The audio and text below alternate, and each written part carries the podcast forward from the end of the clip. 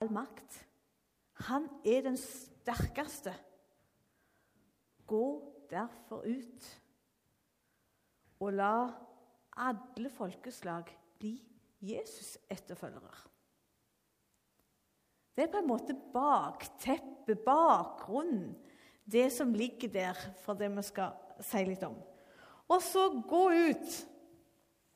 Ja, misjon uten at det blir et sånn avlat. En sånn boks sånn tick off arbeid utført. Vi vil gjerne noen som har sånne skjema på arbeid. Ja, tick off utført.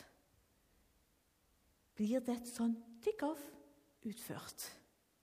Eller er det noe som er i oss? Hvordan kan vi best nå inn, nå ut, slik at det blir enda flere Jesus-etterfølgere?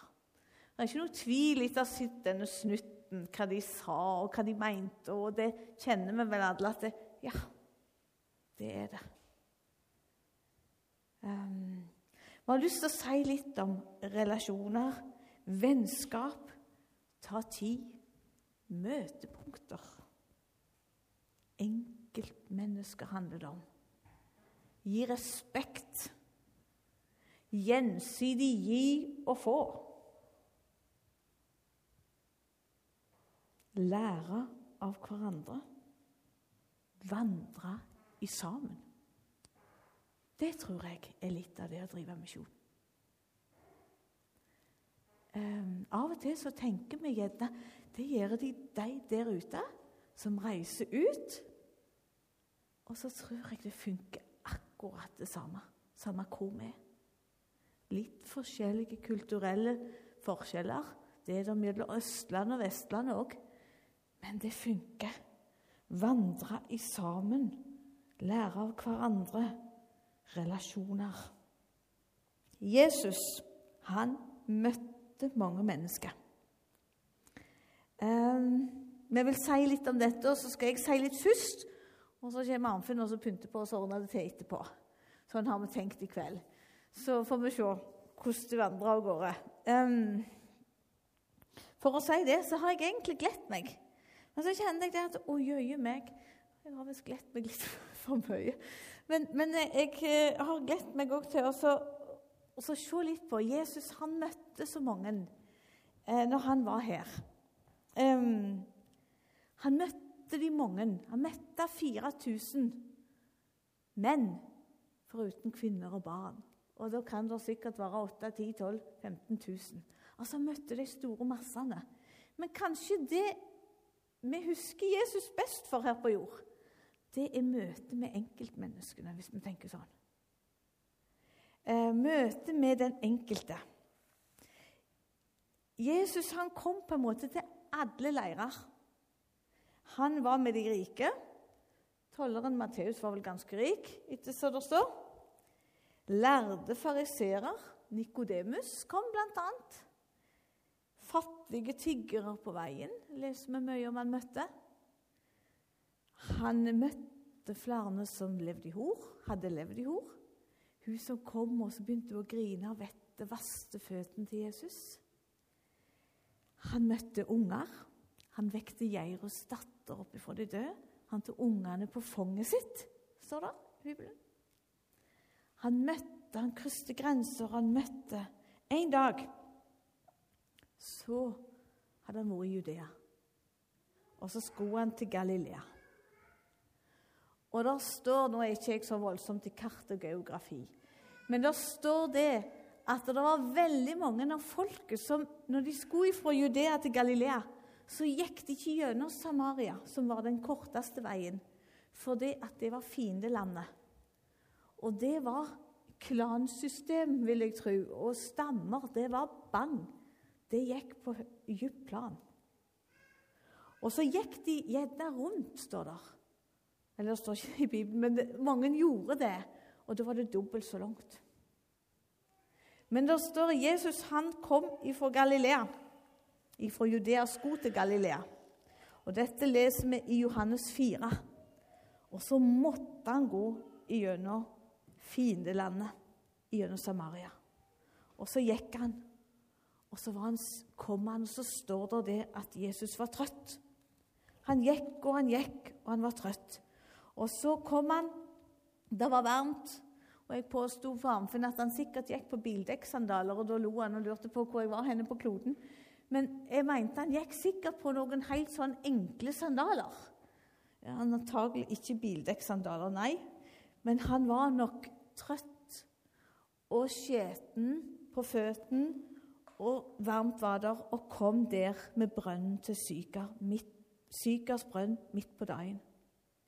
Midt på dagen. I den sjette timen, står det. Og midt på dagen da skal du ikke gå til brunnen. Men der kom det ei kvinne og skulle hente. Og vi kunne snakket mye om hvorfor hun kom. Hun kom på ei ikke vanlig tid.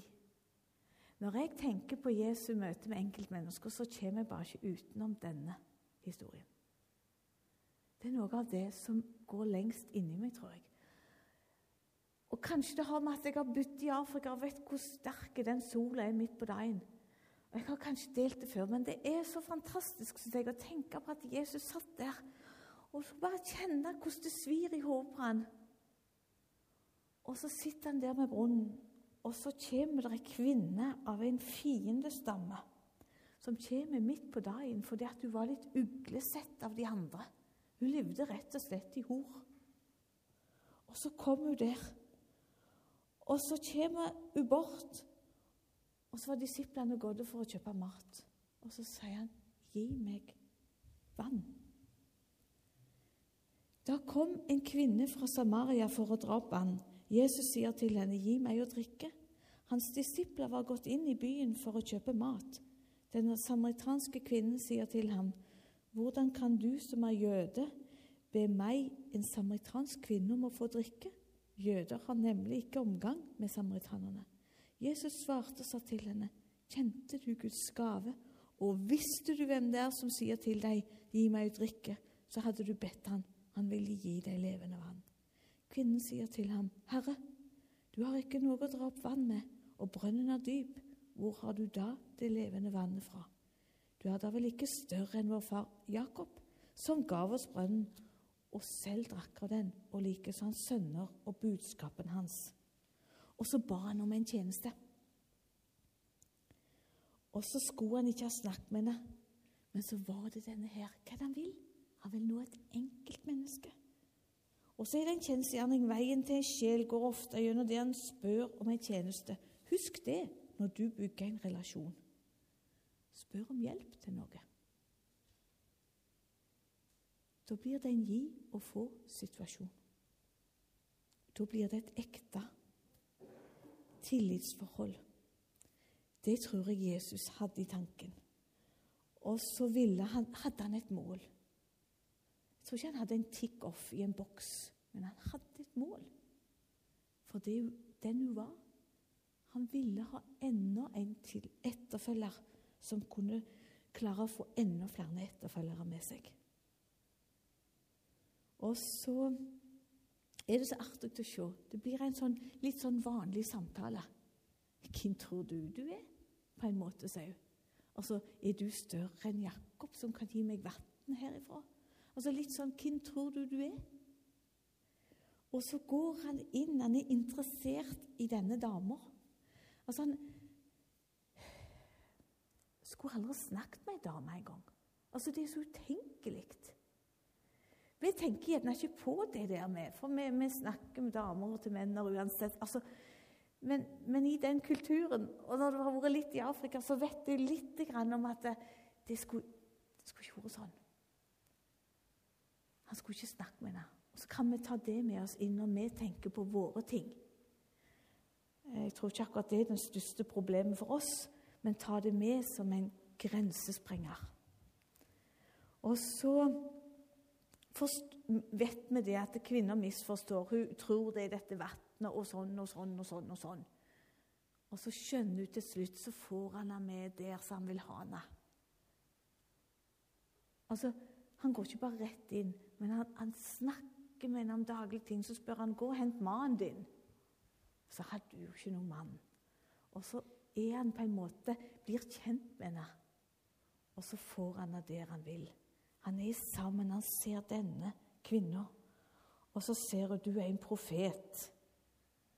Kvinna sier til han, 'Jeg vet at Messias kommer, han som kalles Kristus. Når han kommer, skal han forkynne oss alt.' Jesus sier til henne, 'Det er jeg, jeg som taler med deg.' Og Jesus gir seg faktisk mer til kjenne her for denne fiende kvinna enn han hadde gjort for sitt folk, for jødene. Tenk på det. Til ei som han egentlig ikke skulle snakke med. Der sa han virkelig hvem han var. Hvem han var Messias. Han åpna hemmelighetene. Og så vet vi hva det førte med. Du kan lese det i Johannes 4. Førte det til at hun satte krukka ifra seg, og så sprang hun ikke og henta mannen, men hun henta hele landsbyen. Og så ble de et møte med Jesus for alle sammen. Fordi at Jesus så til denne utstøtta kvinna. Hun som egentlig de ikke ville ha noe med. Og så sa hun 'kom og se', og så fikk hun være noe for mange. Jesus gjorde noe uvanlig for at flere skulle bli etterfølgere.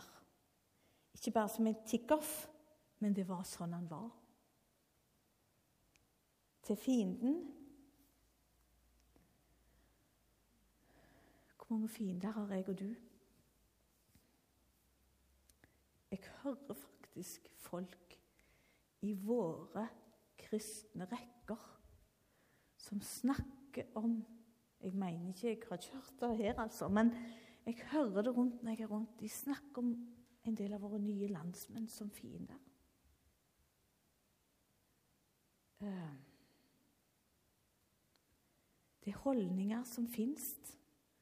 Har du en du ikke går overens med? Hvem er vår fiende? En som ikke går helt med, som vi for alt i verden ikke kan tenke å være venn med.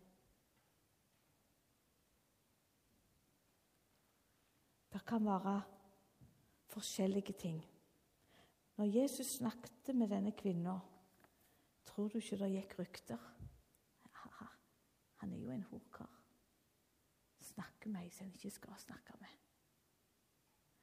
Hørte om en her i Sandnes eller i Stavanger som en ungdom som hadde bestemt seg for å være litt annerledes.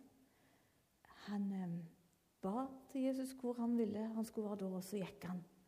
Og deriblant så hadde han en del venner blant de også såkalte prostituerte. Og jeg vet ikke så mye hvor han gikk og alt sånn, men han gikk, og så eh, kjente han de, og så kom de bort, og så sporer de etter mat eller noe sånt. Og så sa han ja, du skal få penger hvis du går og kjøper brød. Og så hadde han glemt pengene, og så sto han sånn jeg har glemt pengene mine.' Hva tror du rykter det blir rundt? Han har kjøpt tjenester, han. Er dere med? Altså, Det var en som var villig til å ha et Vi skal være på vakt, det er ikke det jeg mener. Men til å ha et, et vennskap. Jeg tror ikke han var alene. Eh, det er ikke det jeg mener at vi skal gjøre, men dere forstår hvor jeg vil hen. Han hadde et vennskap som kunne koste han noen rykter med å nå noen flere Jesus-etterfølgere. Noen som vi gjerne ikke ser så godt på. Det tror jeg Jesus ville vise oss. Og så spør han om hjelp av ei kvinne. Så kom han for alle leirene. Altså, Da mener jeg han kom for den som er rik. Han kom for den fattige. Ja, det var visst der det er den rike, ja. Og den fattige. For meg så står denne her um, jeg vet ikke om det har noe med hvor jeg har bytt, men det, det er noe Kanskje jeg kjenner meg igjen i denne kvinna lite grann. Og så ser jeg at Jesus kom der midt på dagen. Og så sendte alle disiplene var gått i byen. Tenk på det, tolv stykk disipler lærde hadde vært inne i din landsby de før om dagen. Det var ingen som kom til Jesus da. Men når denne her kona som var egentlig utstøtt når hun kom. Da kom hele landsbyen. Tenk på det. det hadde vært tolv disipler av Jesus i den landsbyen og kjøpt mat. Ingenting hadde skjedd. Men når hun hadde fått et levende møte med Jesus av en som var interessert i henne, så kom hele landsbyen. Fordi at hun var Jeg tror disiplene var også sendt av Jesus. Det var ingenting med det. Men for meg så er det et godt å se. Så kan hva kan vi lære av Jesus? Det å være en medvandrer. Det å gå sammen med en ikke-kristen. Det å være et kristig brev.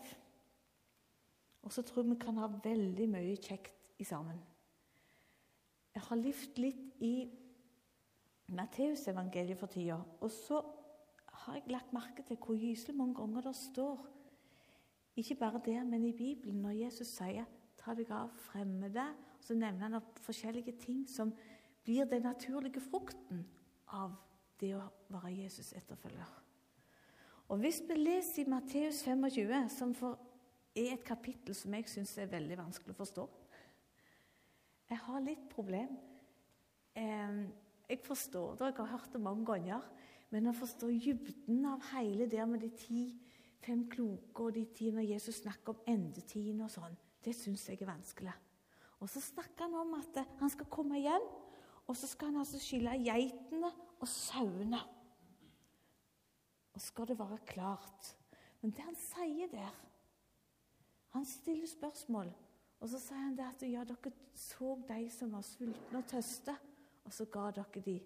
Og så har jeg ikke lyst til å gå inn på, på det konseptet som Jesus snakker om, og sånn der, men jeg kan legg merke til når du leser hvor mange ganger han snakker om Han snakker om svolt, Altså Det å være brev, Kristi brev, tror jeg vi ha konkrete ting her. Han snakker om det å være sulten, det å være tøste, det å være fremmed, det å være naken, være syk og være i fengsel. Jeg tror at her får vi konkrete ting på det å være en medvandrer. Det å ta misjonsbefalingen på alvor. Og da er det samme om du reiser langt ut, eller om du er her. Um, Sulten, tøst, fremmed, naken, sjuk og i fengsel. Det betyr å være en nær venn og stå med. Og så tror jeg vi skal få lov å være det overfor hverandre, vi som er brødre og søstre. Og styrke hverandre på veien. Og så skal vi få lov å være det overfor de som ikke er kristne. Da blir det på en annen måte, men du kan gi få mye dog. Og så kan vi få ber med spørsmål, og så kan vi få lov å være med og krysse grenser. Og ta tid og prioritere andre.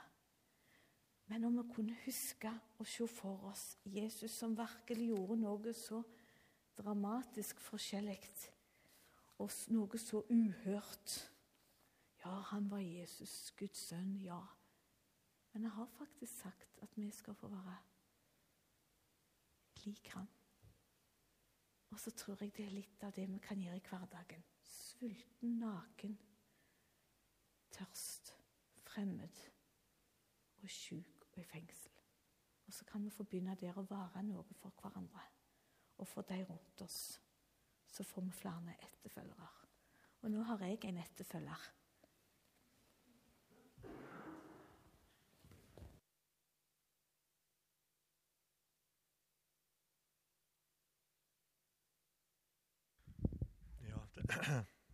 Den, ja, den er på.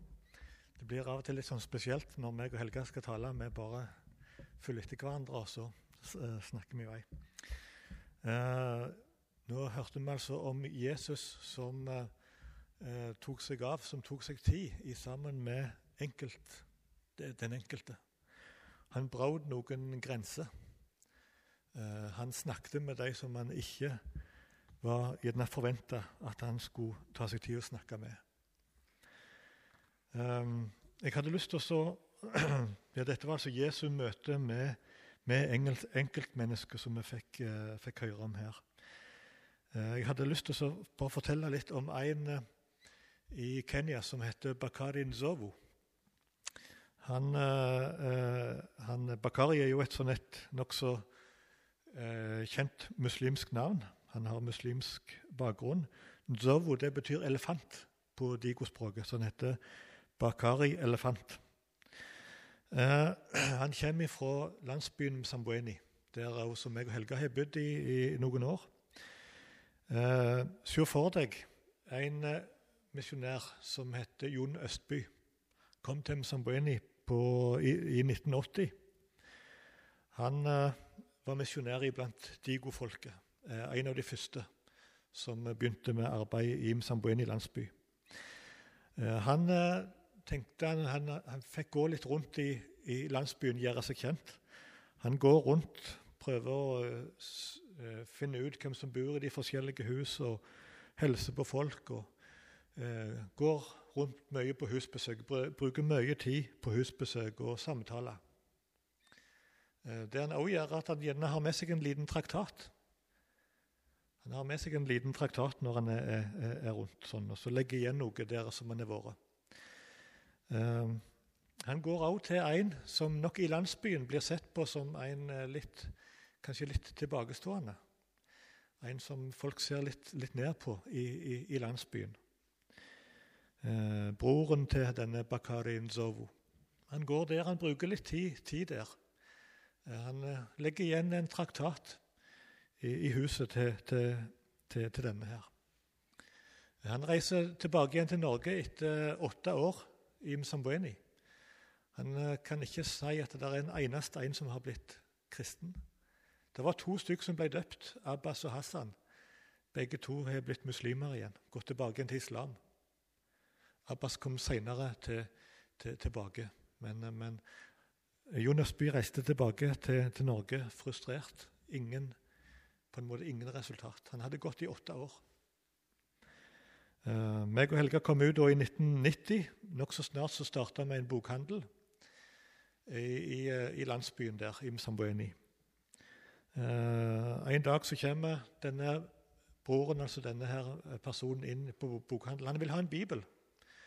Og Han nesten truer til seg en bibel, og han får en bibel av, av hun som står i bokhandelen. Uh, Tar med seg denne og, og ja, sånn, og så og så, eh, ja Hun, hun ble litt overraska, hun som sto i bokhandelen, på måten han kom og nesten trua til seg denne Bibelen på. Eh, Bakarin Zovo, nå må vi fram til 1998. Bakarin Zovo, broren til denne her, det er ramadan. Han er her, Bakarin Zovo, han går og tenker mye på, på, dette med, med, med Allah, med Gud og, og disse tingene. Og I ramadan og det fastemåned i islam så er de eh, ofte at en er spesielt opptatt. Kanskje noen har litt ekstra god tid til, til å tenke. Eh, I huset sitt, der han bor, Bakadin Zovo, så ligger der en traktat. Der, eh, også Etter hvert så finner han en bibel. Og På en eller annen forunderlig måte så går han ut på stranda i Msambueni. For Msambueni ligger helt ned til Det indiske hav, til stranda. Der er minimumstemperatur på 20 varmegrader blir aldri under 20 varmegrader. Og I den tida under ramadan så ble det aldri nesten under 30 varmegrader. Det er varmt. Du faster. Du kan, du kan ikke drikke. Du kan til og med ikke svelge ditt eget spott. Iallfall mange gjør det. Når det er, og tenk deg da når det er en minimumstemperatur på 30 grader, gjerne 35 grader om dagen. Det, det, det, er hardt å være muslim under ramadan. Eh, men han, Bakarin Zovo, går ut på stranda, setter seg ned med denne traktaten, denne Bibelen, som han har funnet i, i huset sitt på en eller annen forunderlig måte. Eh, og der, under ramadan i 1998, så blir så åpenbarer Jesus seg foran, og han tar imot Jesus. Eh, ingen vet om det. Men nokså snart så går han til, til en som han tror, tenker at han han har hørt om han her at han er kristen. Han heter Mohammed Jaromani. Eh, en evangelist som vi her kjenner veldig godt, som bor i Msambueni. Og gir seg til kjenne sykkelreparatøren Bakarin Zovo. Eh, og, og, så får de en samtale. Så sier han at gå i kirka, gå i, i, i, forsamlingen. Så på søndagen så får vi, får vi et, et møte med han Bakardin Zovo. Han reiser seg opp og har et vitnesbyrd på søndagen. Han har tatt imot Jesus. Så tenker jeg på, på, på dette. her, eh, det som Jo Nøsby la igjen mellom 10 og 15 år tidligere, en traktat. Eh, en bibel som denne var inne og trua seg til, som ble da liggende i dette huset.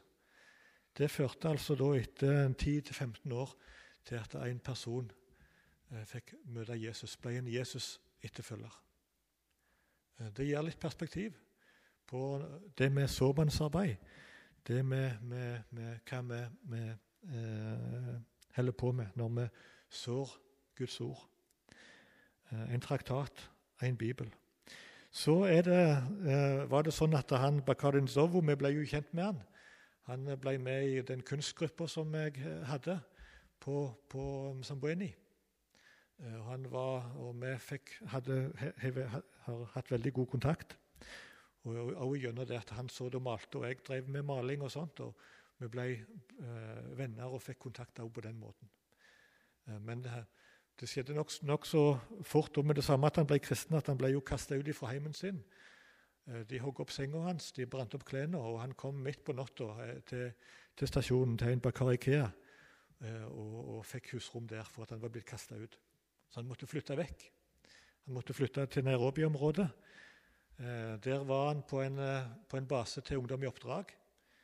Der har han da blitt kjent med en, ei amerikansk jente. De har etter hvert blitt så godt kjent at de har blitt gift. Nå bor Bakadin Zovo i Amerika eh, og er gift. Og de venter vel sin første nå ja, hva tid som helst. Vi leser det som heter Zovo News, altså elefantnyhetene, eh, som han nå gir ut. Eh, de er under, jobber i Ungdom i oppdrag. Men målet nå til Bakarin Zovo det er at de skal samle inn penger Sånn at de som et ektepar kan reise til, tilbake til Mzambueni og være misjonærer i Mzambueni neste år. ja.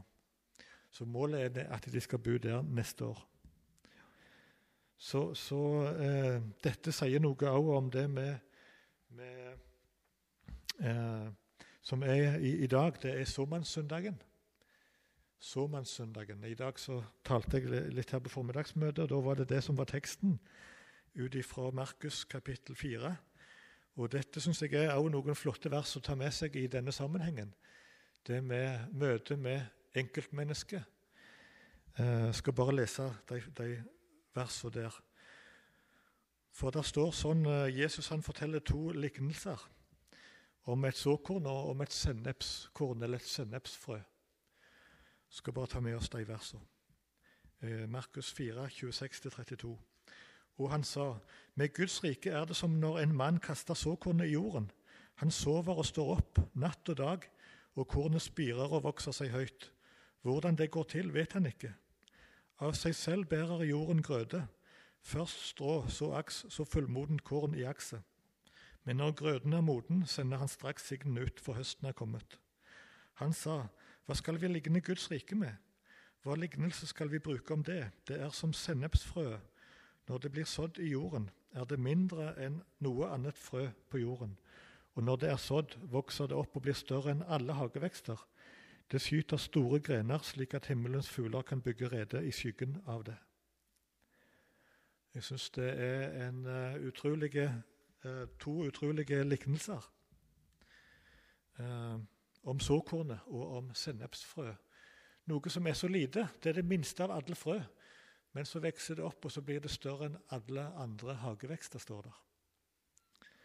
Og Så står det om såkornet at en mann kaster såkornene i jorda. Han sover, står opp natt og dag, og kornet spirer og vokser seg høyt. Hvordan det skjer, det vet han ikke, men det skjer. Og Sånn er det når meg og deg eh, bygger relasjoner. Når meg og deg uh, ja, har kontakt med enkeltmennesker. Kanskje når vi får eh, gitt et lite ord, kanskje eh, så, så, så, ligger det der i jorda. Vi sover, vi våkner, vi går på jobb, sånn og sånn. Og sånn. Og så vokser dette frøet. Eh, og hvordan det går til, det vet han ikke. Av seg sjøl bærer jorda grøde. Jonas jo Nøstby visste lite om hva som skulle skje 10-15 år etterpå. Den der lille frø han ga den traktaten, som da førte til at Bakardin Zovo tok imot Jesus. Det eh, gir perspektiv. Kan jeg, eh, Så tenker jeg på det med dette lille sennepsfrøet. tenker på Jesus når han døde på korset. Han hadde gått tre år i lag med disiplene. Han eh, eh døde Han, han, han eh, gikk fram imot korset. Han døde på korset. Der sitter noen veldig redde disipler på et rom i Jerusalem etterpå. Alt det som de hadde på en måte eh, sett sin lit til, det er nå vekke. Hva nå? De er redde. Det så veldig lite ut. Det så foraktelig lite ut. Men hva har skjedd? Jesus han sto opp igjen. Disse redde disiplene de har nå fått være med. og Det er nå et, en, et verdensomspennende evangelie som vi får være med og bringe ut. Og Det som vi er med på når vi er samla her nå i kveld, det er faktisk verdensomspennende, og det er verdens viktigste oppdrag. Så det er det som vi er med på. Verdens viktigste oppdrag. Det så smått ut, men nå er det verdens viktigste oppdrag. Det er ingenting som er viktigere enn akkurat det å få være med og så. Få bygge vennskap, få bygge relasjoner, få bryte noen grenser. Eh, hvordan kan jeg få være med på det nå i, eh, her i Sandnes i eh, år 2012? Hvordan kan jeg få være med og bringe evangeliet ut, få være med på verdens viktigste oppdrag? Så meg og Helge har jo jobba en del år nå med islam og med muslimer. Og Hvis du spør en med muslimsk bakgrunn hva er det som førte til at du tok imot Jesus, over halvparten vil svare en venn. Det var en venn. En, en, en venn jeg gjerne fikk for ti år siden. Og Så ble vi kjent, og så, og så fikk det eh, en sånn en følge. At eh, jeg så hva denne vennen hadde, og så måtte jeg òg få del i det. En, en venn. Og Dette tror jeg ikke bare gjelder for de som har muslimsk bakgrunn, som har tatt imot Jesus. Dette tror jeg òg gjelder like mye i Sandnes i år 2012. Eh, det med, med vennskap, det med å bygge vennskap over tid, det, det eh, Jeg har bare lyst til å utfordre oss litt her nå i, i, i kveld. At uh, kanskje det er noen nå i, her i kveld som, som uh, skal tenke spesielt på det med å, å bygge et vennskap. Eh, jeg tenker sånn som når, når det gjelder det med, med, å bygge vennskap, så er det ofte det er, er en god måte å, å, få gjort det på. Det er å, eh, å ja, En har kanskje en interesse, noe som en er interessert i, og, og, og finne folk som er, har de samme interessene. For, for, meg så har det fungert, fungert veldig bra med det med, med kunstmaling.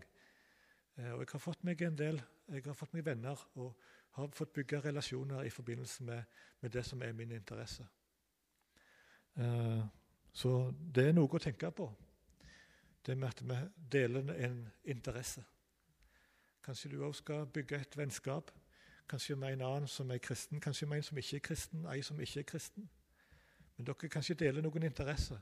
Dere har noen kontaktpunkt, noen knutepunkt. Og så kan dere få, få bli kjent. Kanskje det er din måte som du kan få være med på og så dette verdens viktigste oppdrag. Eller kanskje du òg skal bryte ei grense. Du har en person som du kjenner, som du vet ikke har mange venner, som omtrent er venneløs. Eh, veldig mange vil ikke ha kontakt med den personen. Det kan være forskjellige grunner til det, men kanskje det at det er du som skal ta kontakt. Kanskje det er du som skal bygge vennskap med den personen. Kanskje du kan få bety noe for den personen eh, vennskap over tid. Så jeg hadde lyst til å gi oss, eh, eh gi oss eh, disse utfordringene. Det tar tid, det med tålmodighet. Men så syns jeg det er så godt å hvile i det at dette såkornet det vokser av seg sjøl. Tenk det. Hvis jeg bare jeg, jeg sår, og så vokser dette såkornet av seg sjøl. Det skal jeg få slippe. Jeg skal slippe å streve med å tenke på å ja, sånn og sånn og sånn, men dette er noe som vil vokse av seg sjøl. Og så kan jeg få, på en måte få slappe av eh, i det. Bare få, få så litt. Få, få, gjerne si et lite ord der, et, et ord der.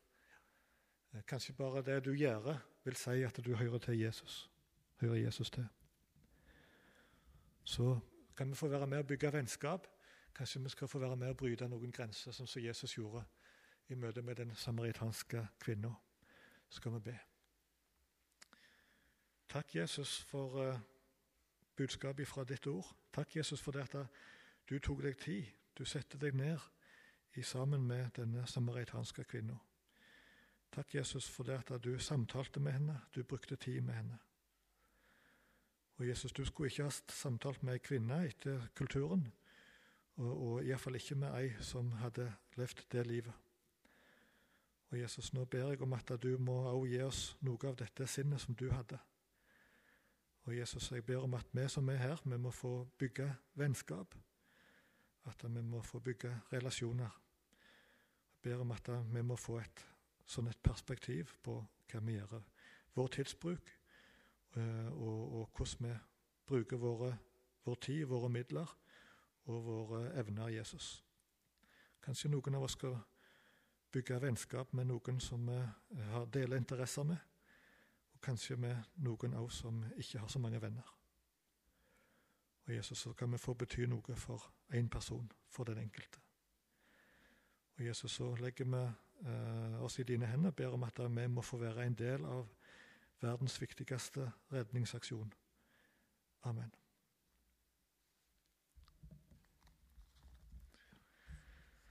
Så Der står om han eh, Bakadin i denne boka her.